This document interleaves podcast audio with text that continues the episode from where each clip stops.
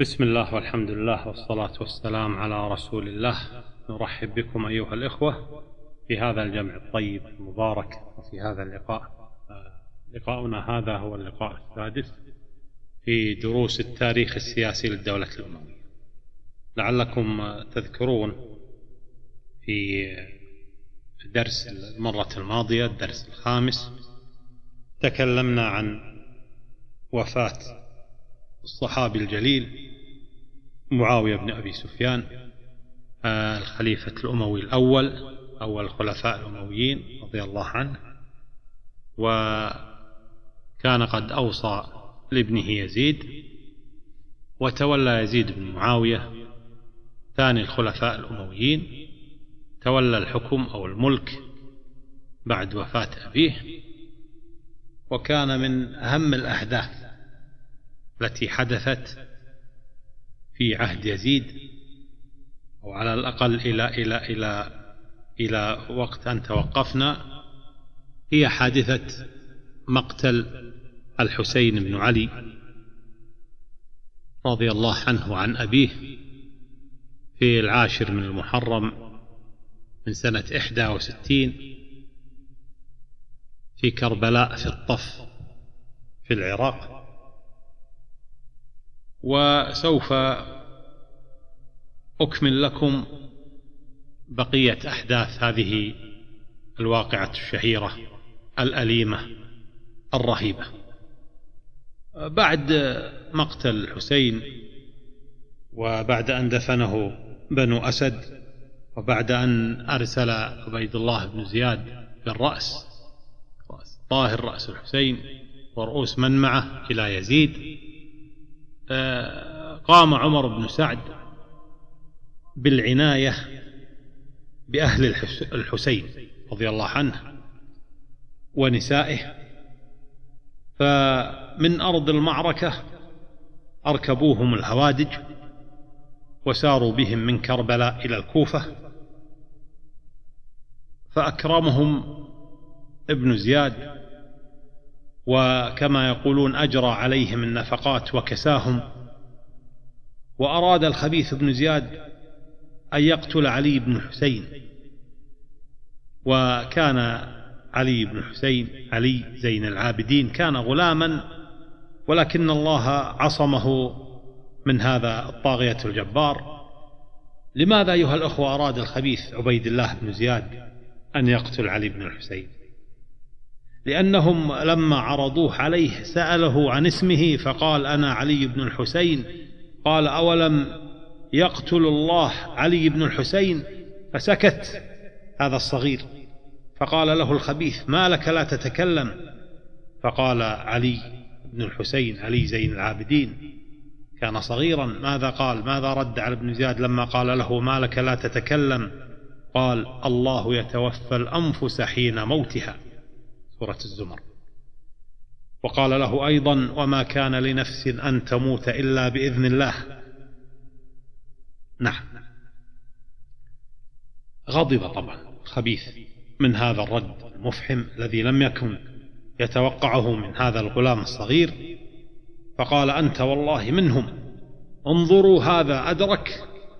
يعني بلغ حصوه الله أكبر. والله إني لأحسبه رجلا. فكشف عنه قام أحدهم بالكشف عليه قال نعم أدرك يعني بلغ. فقال اقتله. فقال علي بن الحسين من يوكل بهذه النسوة؟ قتلتني. من يوكل بهذه النسوة؟ ما معهم رجل. لا حول ولا قوة إلا بالله. وتعلقت به زينب بنت الحسين عمته. وقالت يا ابن زياد حسبك منا ما فعلت بنا أما رويت من دمائنا؟ وهل أبقيت منا أحدا؟ وناداه علي فقال يا ابن زياد إن كان بينك وبينهن قرابة فابعث معهن رجلا تقيا يصحبهن بصحبة الإسلام. قالوا فنظر إليهن ساعة ثم نظر إلى القوم فقال عجبا للرحم. والله إني لأظن أنها ودت لو أني قتلته أن أقتلها معه. ثم قال دعوا الغلام انطلق مع نسائك. أيها الأخوان هذه الرواية عجيبة. أنا أعتبرها يعني في منتهى الذكاء من هذا الصبي الصغير علي بن الحسين. وهو يعني الكل يعرف حتى علي بن أبي طالب في الكلمة التي ذكرناها في الحلقة الماضية عندما كان يكلم زياد بن أبي سفيان قال له كانت عزمة من أبي سفيان نسبك إليه. ما كانوا يعرفون لكن ماذا قال له ذكي هذا الولد علي بن الحسين في غاية الذكاء؟ قال له إن كان بينك وبينهن قرابة.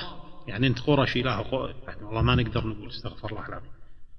شاهدوا عنده ما نستطيع. إحنا قلنا في ذيك الحلقة في ذاك الدرس منذ أن شهد الرجل عند معاوية رضوان الله عليه ما نستطيع أن نقول لا زياد بن أبي سفيان ما نستطيع أن نطعن لكن عندهم إذا غضبوا عليه عيروه قال ابن سمية.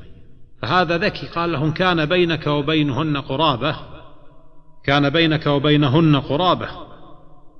طبعا قاعد قدام الناس كان بينك وبينهن قرابة. فابعث معهن رجلا تقيا.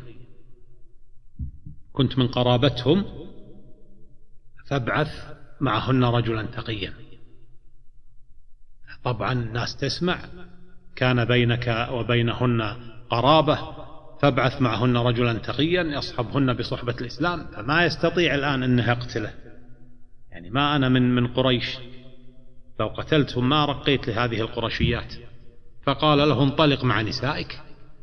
وأمر الخبيث بتجهيز النساء للسفر إلى الشام وأتى بعلي بن الحسين فوضعوا غلا في عنقه وأرسل النساء مع محفز بن ثعلبة بن مرة العائذي رجل اسمه محفز بن ثعلبة بن مرة العائذي وبنو عائذة هم بنو خزيمة بن لؤي بن غالب بن فهر من قريش وذهب, وذهب أيضا معه الخبيث شامر بن ذي الجوشن ولما وصل علي بن الحسين آه وأهله إلى يزيد في دمشق دعا يزيد أشراف الشام فأجلسهم حوله ثم دعا بعلي بن الحسين وصبيان الحسين ونسائه فأدخلنا عليه والناس ينظرون. فقال يزيد لعلي بن الحسين يا علي أبوك قطع رحمي وجهل حقي ونازعني سلطاني فصنع الله به ما قد رأيت. فقال علي بن الحسين ما أصاب من مصيبة في الأرض ولا في أنفسكم إلا في كتاب. فقال يزيد لابنه خالد أجبه. فلم يستطع خالد بن يزيد الأموي أن يرد على ابن عمه الغلام الفاطمي الهاشمي. فقال له يزيد قل ما أصابكم من مصيبة فبما كسبت أيديكم ويعفو عن كثير. فسكت عنهم ثم دعا بالنساء والصبيان وكانوا في هيئة قبيحة بسبب السفر. غبار وتراب وسفر ومشقة من العراق إلى إلى إلى دمشق. فقال قبح الله ابن مرجانة لو كانت بينهم وبينه قرابة ورحم ما فعل هذا به ولا بعث بكم هكذا. وقام يزيد أنزل يزيد النساء الحاشمات الحاشميات عند حريمه في دار الخلافة فاستقبلهن نساء آل معاوية بالبكاء وبالنواح على الحسين أقاموا المناحة ثلاثة أيام. وقال ابن كثير وكان يزيد لا يتغدى ولا يتعشى إلا ومعه علي بن الحسين وأخوه عمر بن الحسين. فقال يزيد يوما لعمر بن الحسين وكان صغيرا آه، جدا طفل صغير. قال له أتقاتل هذا؟ يعني بذلك ابنه خالد بن يزيد. وكان يزيد يقصد بذلك ممازحة هذا الشبل الصغير الشبل الهاشمي. قال له آه، هذا الصغير عمر بن الحسين قال ليزيد أعطني سكينا وأعطه سكينا حتى نتقاتل. فأخذ يزيد عمر بن الحسين فضمه إليه وقال المثل الشهير شنشنة أعرفها من أخزم هل تلد الحية إلا حية؟ وكان حقا على يزيد أن يقول وهل يلد الأسد إلا شبلا؟ الله أكبر. أمر يزيد النعمان بن بشير الأنصاري رضي الله عنه أن يرسل آل الحسين علي بن الحسين والنساء إلى المدينة المنورة وأن يبعث معهم رجلا أمينا ومعه الخيل والرجال للحراسة ثم جهزهم وأعطاهم مالا كثيرا أعطى علي بن الحسين وكساهم وأوصى بهم ذلك الرجل. الآن قد يتساءل البعض إذا كان يزيد بن معاوية لم يأمر بقتل الحسين رضي الله عنه ولم يسره ما حدث له فلماذا لم يعاقب عبيد الله بن زياد على هذا الفعل العظيم الشنيع؟ أو على الأقل لماذا لم يعزله عن إمارة العراق؟ هذا سؤال وجيه. يزيد منذ أن تولى الأمر وهو عازم على عزل بن زياد كما قلنا لأنه كان له كارها. يزيد يكره عبيد الله بن زياد ولكن لما رأى أن الأمور أخذت تضطرب عليه وخشى دخول الأمة في الفتنة إذا لم يتدارك الأمر اضطر إلى إبقاء ابن زياد في ولايته. لأن هذا الأمر أيها الأخوة بالنسبة للحاكم في غاية الأهمية ضبط الأمور والأمن وعدم حدوث فتنة مسألة مهمة جدا. وسوف لن يتردد الحاكم أو ولي الأمر في التعامل بحزم مع عماله وولاته وأمرائه على الأقاليم أو الولايات أو المقاطعات. إذا شعر بأن هناك تراخيا من أي منهم مهما علت منزلته متى ما شعر بأن هناك تراخيا من أي واحد منهم مهما كان يعني رأيناه مع عتبة الوليد بن عتبة عزله ابن عمه. ولذلك لم يتردد يزيد كما قلنا في عزل ابن عمه الوليد بن عتبة ابن أبي سفيان أمير المدينة المنورة لما رأى أنه تقاعس في أخذ البيعة له آه، من الحسين رضي الله عنه. وكذلك فعل مع أمير الكوفة النعمان بن بشير الأنصاري رضي الله عنه. لما رأى أنه تراخى في مواجهة أهل الكوفة ودعوتهم للحسين. قال الحافظ ابن كثير الدمشقي في كتابه البداية والنهاية في ختام كلامه عن هذه الحادثة العظيمة هذا كلام مهم أيها الإخوة اسمعوه.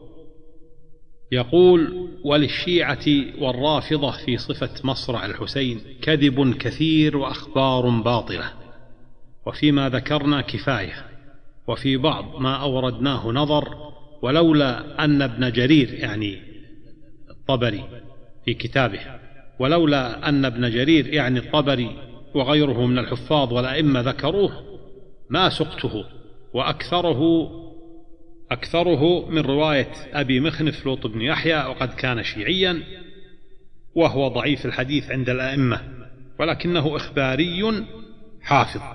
عنده من هذه الأشياء ما ليس عند غيره ولهذا يترامى عليه كثير من المصنفين في مثل هذا الشأن ممن بعده والله أعلم. هذا كلام طبعا الحافظ ابن كثير. أبو مخنف آه، هو أبو, مخ أبو مخنف هذا هو لوط بن يحيى. لوط بن يحيى بن سعيد بن مخنف بن سليم الأزدي من الأزد نعم هذه أيها الأخوة يمكن يعني باختصار شديد ولا نريد أن نخوض كثيرا بها كلام كثير حادثة مقتل الحسين رضي الله عنه. ولكن يعني هذا ما حدث. أيضا من يعني الأمور التي حدثت بعد ذلك في خلافة يزيد أنه في سنة 61 بعد الهجرة عين آه، يزيد عين سلم بن زياد أخو عبيد الله بن زياد نصبه أميرا على سجستان وخراسان وكان عليهما عباد وعبد الرحمن ابن زياد فقام يزيد بعزلهما وتنصيب أخاهما سلم في مكانهما. وقام سلم بتنظيم حملة عسكرية للجهاد في بلاد الترك وبرز في هذه الحملة المهلب بن أبي صفرة قائد الشهير الذي تصدى بقوة بعد ذلك الخوارج وأبوه أبو صفرة اسمه ظالم ابن سراق من قبيلة الأزد الشهيرة والمهلب أيها الأخوة سيد من سادات العرب كان مزواجا ولد له من صلبه قرابة ثلاثمائة ولد خلاف البنات. ولد له قرابة ثلاثمائة ولد خلاف البنات ولكن عقبه كان في تسعة عشر من أولاده. المهلب كما سوف نتكلم بعد ذلك توفي في سنة 82 من الهجرة. في سنة 62 عزل يزيد عن إمارة مكة والمدينة عمرو بن سعيد بن العاص وعين في مكانه الوليد بن عتبة بن أبي سفيان وذلك لأن عمرو بن سعيد لم يتصدى كما ينبغي له كأمير على المدينة لعبد الله بن الزبير رضي الله عنه فاستفحل أمره وكان عبد الله بن الزبير والمسلمون آه، عامة المسلمين. صفة عامة. المسلمون آه، استشنعوا ما حدث للحسين رضي الله عنه فأخذ ابن الزبير يحرض على يزيد ويعيب على أهل الكوفة خذلانهم للحسين فالتف حول ابن الزبير جماعة كبيرة. ولما تولى الوليد بن عتبة لم يتمكن من ابن الزبير رضي الله عنه لأنه كان حذرا متأهبا. في اليمامة خرج نجده بن عامر بن عبد الله بن سيار الحنفي مؤسس فرقة النجدات. هؤلاء الخوارج النجدات نسبوا إليه نسبوا إلى نجدة بن عامر الحنفي. واليمامة موطن لبني حنيفة حتى وادي يعني بني حنيفة إلى الآن يعني هذا هو موطن بني حنيفة من أيام الجاهلية موطنهم من أيام الجاهلية نعم. وبنو حنيفة من قبائل بكر بن وائل القوية والثرية. غنية وثرية. هذه القبائل في غاية الغنى والثراء. هم قبائل قوية غنية. نعم. وغالب بني حنيفة من الحضر. هذه معلومة مهمة جدا. غالب بني حنيفة من الحضر. وهناك جماعة منهم انضمت إلى بقية بني عمومتهم البدو من قبائل بكر بن وائل في البادية. لكن غالب بني حنيفة من الحضر. مجموعة من بني حنيفة انضمت تبدوت انضمت إلى إلى بني عمومتهم البدو من قبائل بكر بن وائل في البادية. من هم هؤلاء؟ هؤلاء هم بنو زيد وبنو قطن وبنو حبيب وبنو معاوية. أبو هؤلاء الأربعة الذين يعرفون بأهل البادية. هؤلاء من بني حنيفة يعرفون بأهل البادية. أبوهم هو يربوع ابن ثعلبة ابن الدول ابن حنيفة. حنيفة أو بنو حنيفة ينسبون إلى حنيفة ابن لجيم ابن صعب ابن علي ابن بكر بن وائل. والنجدات هؤلاء الذين ينسبون إلى نجد بن عامر الحنفي فرقة من فرق الخوارج انشقوا عن فرقة الخوارج الأزارقة التي أسسها نافع بن الأزرق الحنفي الذي قتل في معركة دولاب التي جرت في سنة 65 والأزارقة هؤلاء من التكفيريين الذين يكفرون كل من لا يلتحق بهم ويتبنى معتقداتهم الباطلة. وكانوا يقتلون المسلمين بل كانوا يقتلون حتى الأطفال أطفال المسلمين يقتلونهم. ما يتورعون عن قتل أحد لأنه كافر يكفرون يقتلون.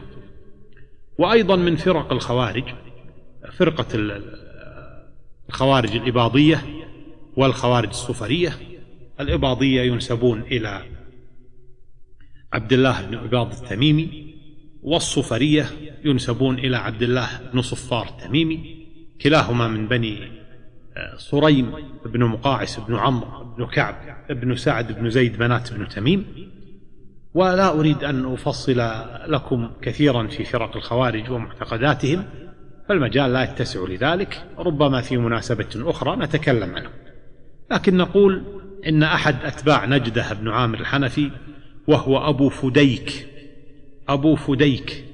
عبد الله بن ثور البكري قام بقتل نجدة بن عامر لأمور يطول شرحها في هذا المجال منها أنه أفتى لهم بجواز تعطيل الحد عن شارب الخمر وبقتله افترقت هذه الخوارج إلى ثلاث فرق إلى النجدات نسبة إلى نجدة بن عامر الحنفي أو النجدية والفديكية نسبة إلى أبي فديك والعطوية الذين ينسبون إلى عطية بن الأسود اليشكري البكري الذي اختلف مع أبي فديك بعد مقتل نجدة بن عامر.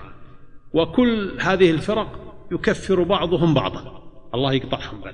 تكفير عندهم مثل قولة مساك الله بالخير. من أول؟ تكفير عندهم عادي تختلف معي أنت كافر. ما في. إلى الآن إلى هذا اليوم. أيها الإخوة يجب أن نعرف وندرك مسألة في غاية الأهمية وهي أن الدولة الأموية وغيرها من دول ألف عنها وكتب عنها الكثير من المؤلفات. ولكي نعلم حجم هذه المؤلفات وعدد هذه المؤلفات أقول لكم إنه طبقا آه، لفهرس الرسائل الجامعية في المملكة العربية السعودية فإنه ألف عن هذه الدولة عشرات الكتب والرسائل أقسام التاريخ في المملكة. لها عناية كبيرة بالتاريخ الإسلامي هذا ما ألف في جامعات المملكة عن الدولة الأموية فما بالكم بما ألف عن هذه الدولة الكبيرة في باقي الدول العربية والإسلامية والأجنبية أيضا. لذلك أرجو منكم أن تعذروني إن قصرت في جانب من الجوانب أو أمر من الأمور أو مسألة من المسائل. التاريخ أيها الأخوة ليس بالشيء البسيط ولكن هذا ما وفقني الله سبحانه ويسره. لي إذا نقول خرج نجدة بن عامر على يزيد بن معاوية ولكنه لم يتعرض لعبد الله بن الزبير رضي الله عنه. ثم إن يزيد عزل الوليد ابن عتبة بن أبي سفيان وولى في مكانه ابن عمه عثمان بن محمد بن أبي سفيان وكان عثمان بن محمد شابا صغيرا لا خبرة له ولا تجربة عنده ولما وصل إلى المدينة أرسل إلى يزيد وفدا من أهل المدينة كان من ضمنهم عبد الله بن حنظلة الغسيل الأنصاري وعبد الله بن أبي عمرو بن حفص بن المغيرة الحضرمي والمنذر بن الزبير عبد الله بن حنظلة أبوه هو حنظلة بن أبي عامر ابن صيفي بن النعمان الأنصاري من الأوس. وحنظلة هو الذي يعرف بغسيل الملائكة لأنه استشهد في معركة أحد وكان جنبا لما سمع بأمر المعركة بادر من فوره لقتال المشركين وكان جنبا فقال عنه النبي صلى الله عليه وسلم إن صاحبكم لتغسله الملائكة. كان جنبا رحمه الله فقال عنه النبي صلى الله عليه وسلم لما استشهد إن صاحبكم لتغسله الملائكة.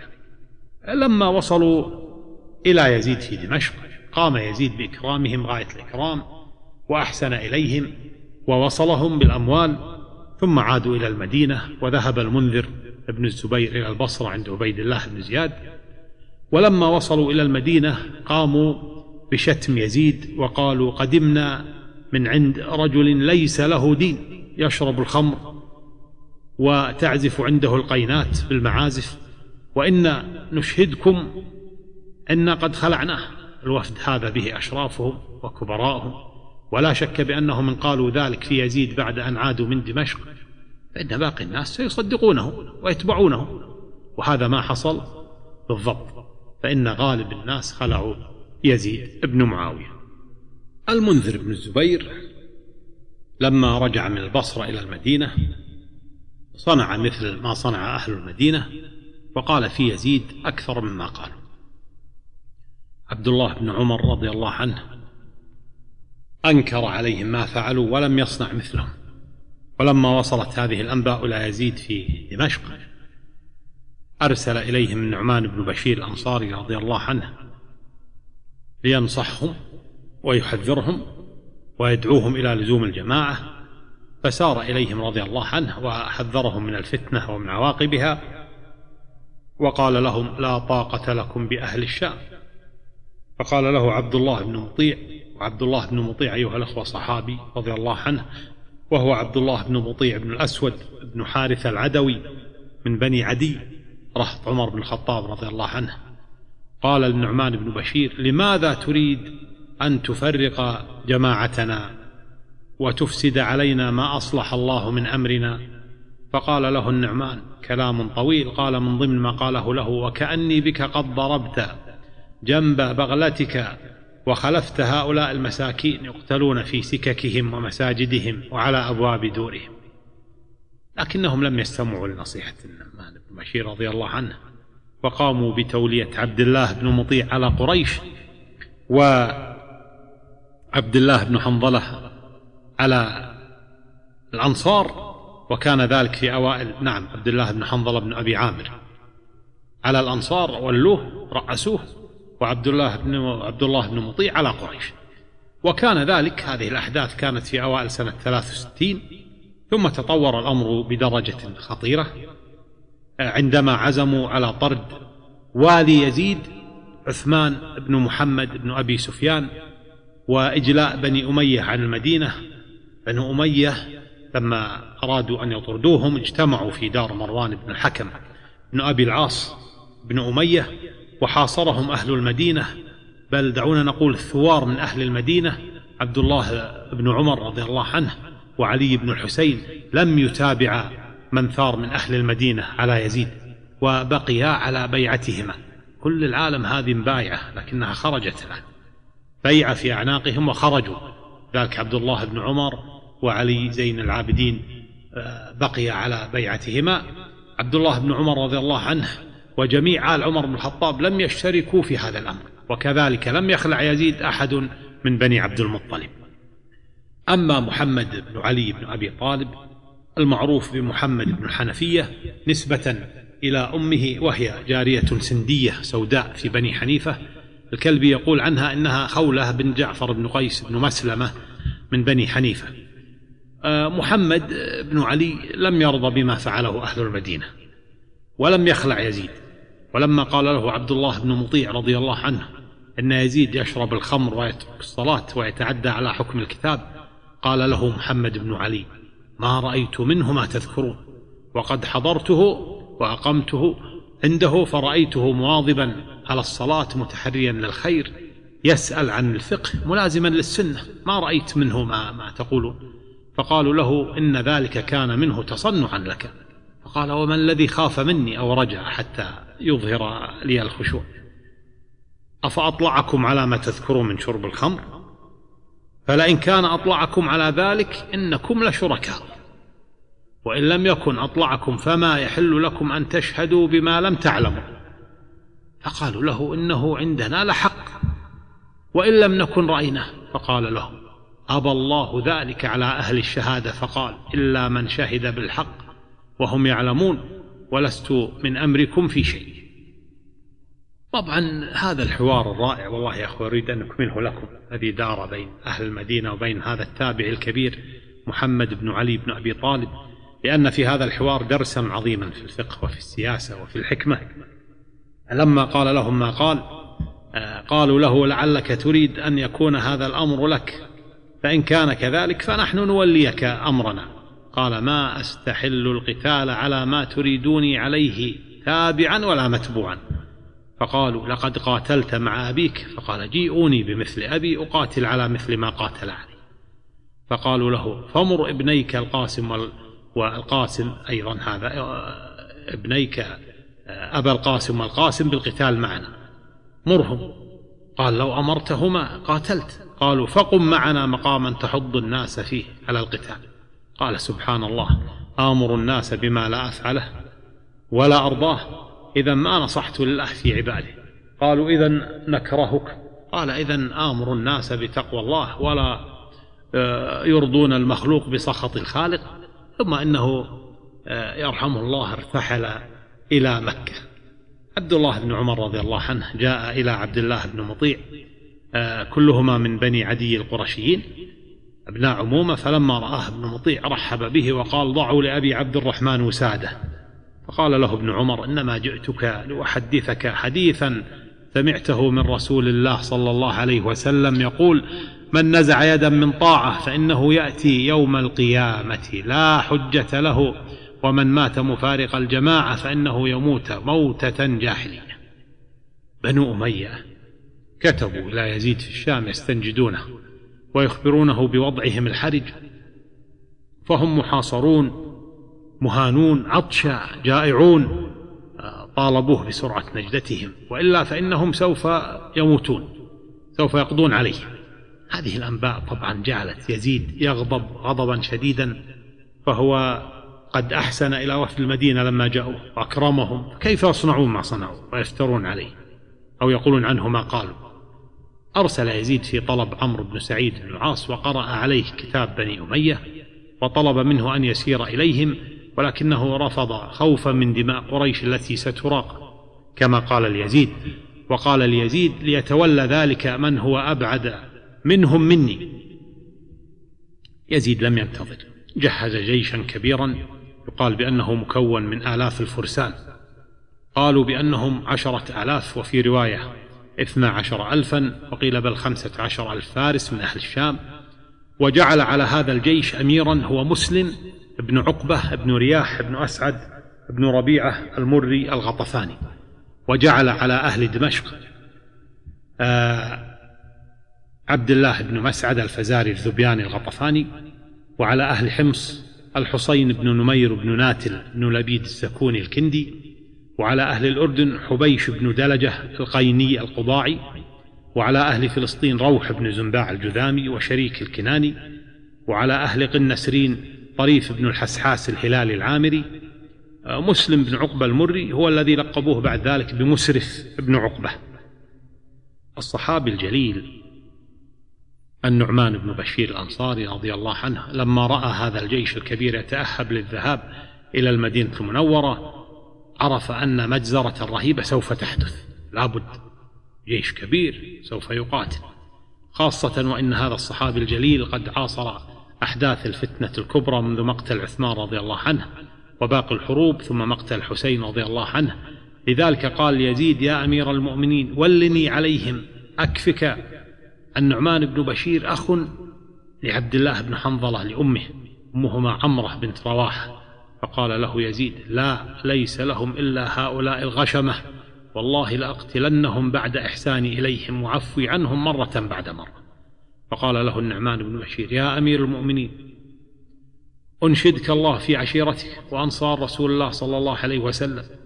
وكذلك قال له عبد الله بن جعفر بن أبي طالب قال يزيد إذا رجعوا إلى طاعتك هل تقبل منهم؟ فقال يزيد إن فعلوا فلا سبيل عليهم. يعني كانت لهم فرصة يرحمهم الله المدينة. لكن الفتنة أيها الأخوة وكان يزيد يستعرض هذا الجيش الكبير الذي أرسله. فقال لمسلم بن عقبة ادعوا القوم ثلاثا ثلاثة أيام. فإن رجعوا إلى الطاعة فاقبل منهم وكف عنهم. وإلا فاستعن بالله وقاتلهم. وإذا ظهرت عليهم فأبح المدينة ثلاثا.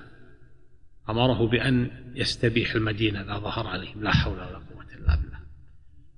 ثم أكفف عن الناس وأوصاه بعلي بن الحسين خيرا وأن يكرمه. ثم أمره إذا فرغ من المدينة أن يتوجه إلى مكة لقتال ابن الزبير. هذا الجيش أيها الأخوة الكبير جيش الشام سار بقيادة مسلم بن عقبة إلى المدينة المنورة. وهناك تفاصيل كثيرة سوف لن أتطرق إليها. ولكن أقول لما وصل الجيش الشامي إلى المدينة نزل في شرقيها في شرقي المدينة في مكان اسمه حرة واقم وكان ذلك لثلاث بقين من ذي الحجة من سنة 63 ونفذ مسلم بن عقبة ما أمره به يزيد إذ دعا أهل المدينة ثلاثة أيام دعاهم إلى الطاعة ولكنهم أبوا إلا القتال فلما كان في اليوم الرابع قال لهم يا أهل المدينة مضت ثلاثة أيام وإن أمير المؤمنين قال لي إنكم أصله وعشيرته وإنه يكره إراقة دمائكم وإنه أمرني أن أؤجلكم ثلاثا فماذا أنتم صانعون؟ أتسالمون أم تحاربون؟ فقالوا بل نحارب. قال لهم لا تفعلوا بل سالموا ولكنهم أبوا إلا القتال.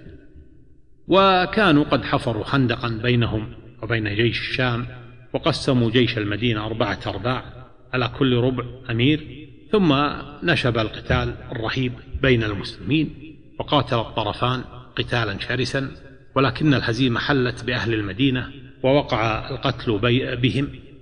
قتل الصحابة رضوان الله عليهم والتابعون وغيرهم.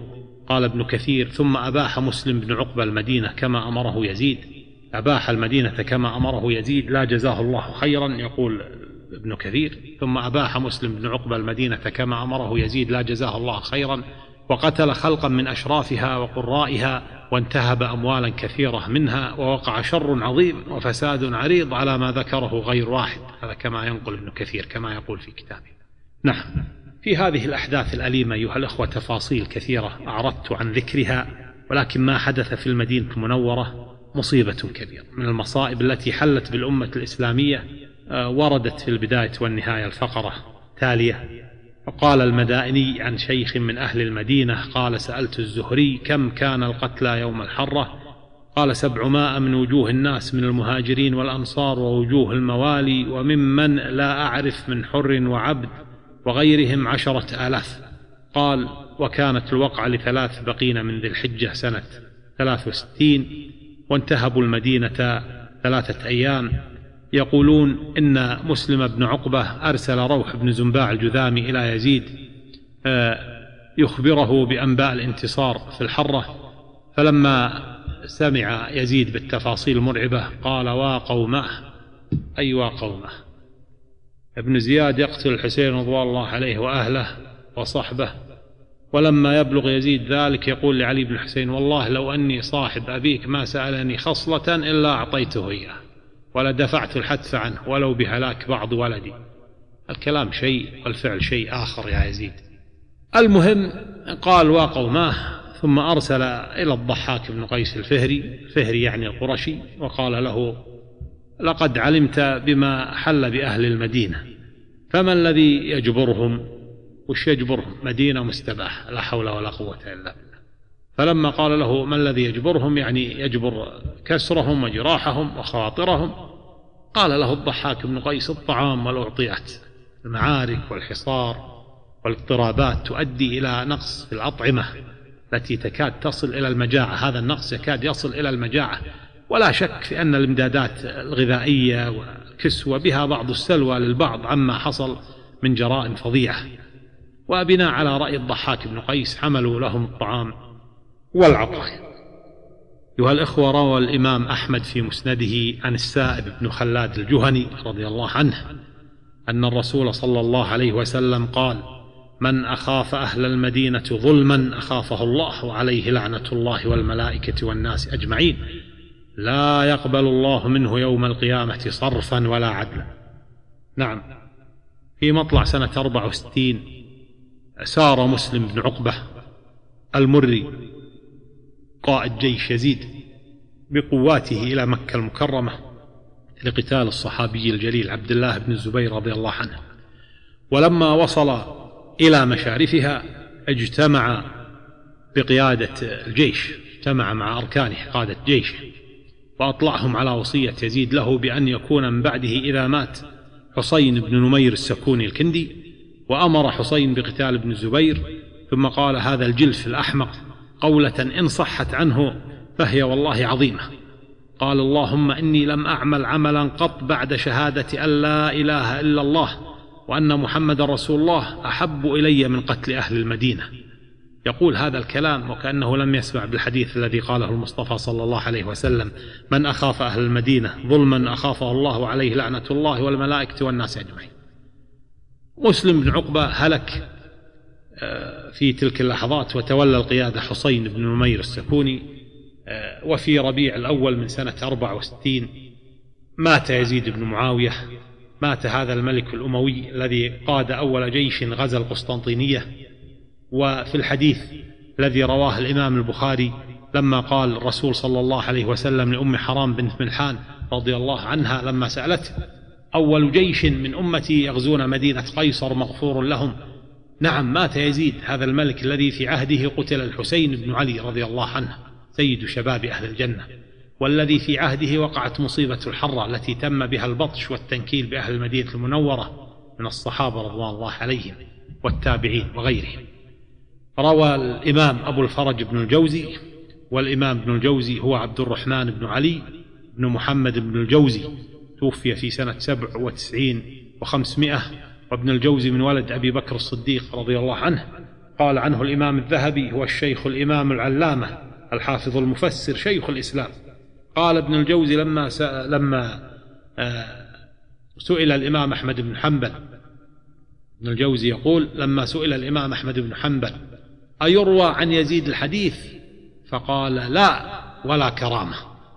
ابن الجوزي ينقل عن الإمام أحمد بن حنبل لما سئل رحمه الله الإمام بن حنبل أيروى عن يزيد الحديث؟ فقال لا ولا كرامة. نعم. سار الحصين بن نمير بالجيش إلى مكة ووصلها لأربع بقين من المحرم من سنة 64 وكان مع ابن الزبير أصحابه وكذلك من انضم إليه ممن فر من المدينة مثل عبد الله بن مطيع العدوي القرشي رضي الله عنه وكذلك الخارجي الخبيث نجدس بن عامر الحنفي ومعه جماعة من أهل اليمامة ساروا للدفاع عن بيت الله الحرام. وممن وقف مع عبد الله بن الزبير للدفاع عن الكعبة أيضا الخارجي نافع بن الأزرق الحنفي مؤسس فرقة الخوارج الأزارقة وكذلك عبد الله بن صفار التميمي مؤسس فرقة الخوارج الصفرية وعبد الله بن عباض التميمي مؤسس فرقة الخوارج العباضية وكلاهما انشق عن نافع ابن الأزرق بعد ذلك. دار القتال بين الطرفين وقتل في هذا القتال جماعة منهم المنذر بن الزبير كان قد تبارز مع رجل من أهل الشام فقتل كل منهما صاحبه. وكذلك قتل من جماعة ابن الزبير الصحابي الجليل المسور بن مخرمة بن نوفل الزهري القرشي وقتل كذلك مصعب بن عبد الرحمن بن عوف الزهري القرشي. وكادت الدائرة تدور على جماعة ابن الزبير في هذا اللقاء. ولكن الليل فصل بينهم واستمرت المعارك بين الفريقين. بقية المحرم وطيلة صفر وفي ربيع الأول وفي أثناء حصار جيش الشام للكعبة كان الشاميون يرمون الكعبة المشرفة بالمنجنيق وفي هذه المواجهات العنيفة آه، احترقت الكعبة المشرفة بسبب نار أشعلها جماعة ابن الزبير لتنير لهم فعلقت كما يقولون شرارة بأستار الكعبة وامتد الحريق إلى الكعبة المشرفة فأتى عليها احترقت الكعبة بسبب هذه الفتنة. استمر الحصار إلى ربيع الآخر ثم بلغهم خبر وفاة يزيد وكانت وفاة يزيد بن معاوية في ربيع الأول آه، من سنة 64 ولكن الحصار استمر إلى كما قلنا ربيع الآخر ووفاة يزيد كانت في ربيع الأول من سنة 64 ولما سمع جيش الشام بذلك توقفوا لما سمعوا بوفاة يزيد بن معاوية توقفوا على القتال ولكنهم استمروا في حصارهم. قال الإمام الطبري في تاريخه إن ابن الزبير وابن نمير اجتمع فقال حسين بن نمير لابن الزبير لقد هلك يزيد وأنت أحق الناس بهذا الأمر. فهلم اذهب معي إلى الشام فوالله لا يختلف عليك اثنان. ولكن ابن الزبير لم يستجب لدعوته فغادر جيش الشام عائدا إلى دمشق. ومر بالمدينة وارتحل معهم بنو أمية إلى الشام ويقال بأن عبد الله بن الزبير عبد الله بن الزبير بعد أن بويع له في الحجاز بعد وفاة يزيد وابنه معاوية بن يزيد أمر بطرد بني أمية من مكة والمدينة فارتحلوا إلى الشام وتوجهوا آه، إلى دمشق وكان بها مروان بن الحكم. نعم. توفي يزيد بن معاوية بن أبي سفيان في قرية حوارين بالقرب من دمشق وحمل إلى دمشق ودفن فيها وصلى عليه ابنه معاوية بن يزيد الذي أخذت له البيعة وكان وليا العهد أبيه معاوية بن يزيد يكنى بأبي ليلى وكان ليزيد الكثير من الأبناء والبنات أبناؤه هم معاوية وخالد وأبو سفيان أمهم أم هاشم بنت أبي هاشم بن عتبة بن ربيعة بن عبد شمس بن عبد مناف وأم هاشم كنية لها اسمها فاختة وليزيد أيضا عبد الله بن يزيد الذي يعرف بالأسوار آه ذكر في بعض الكتب باسم عبد العزيز. أمه هي أم كلثوم بنت عبد الله بن عامر ابن كريز بن ربيعة ابن حبيب بن عبد شمس بن عبد مناف.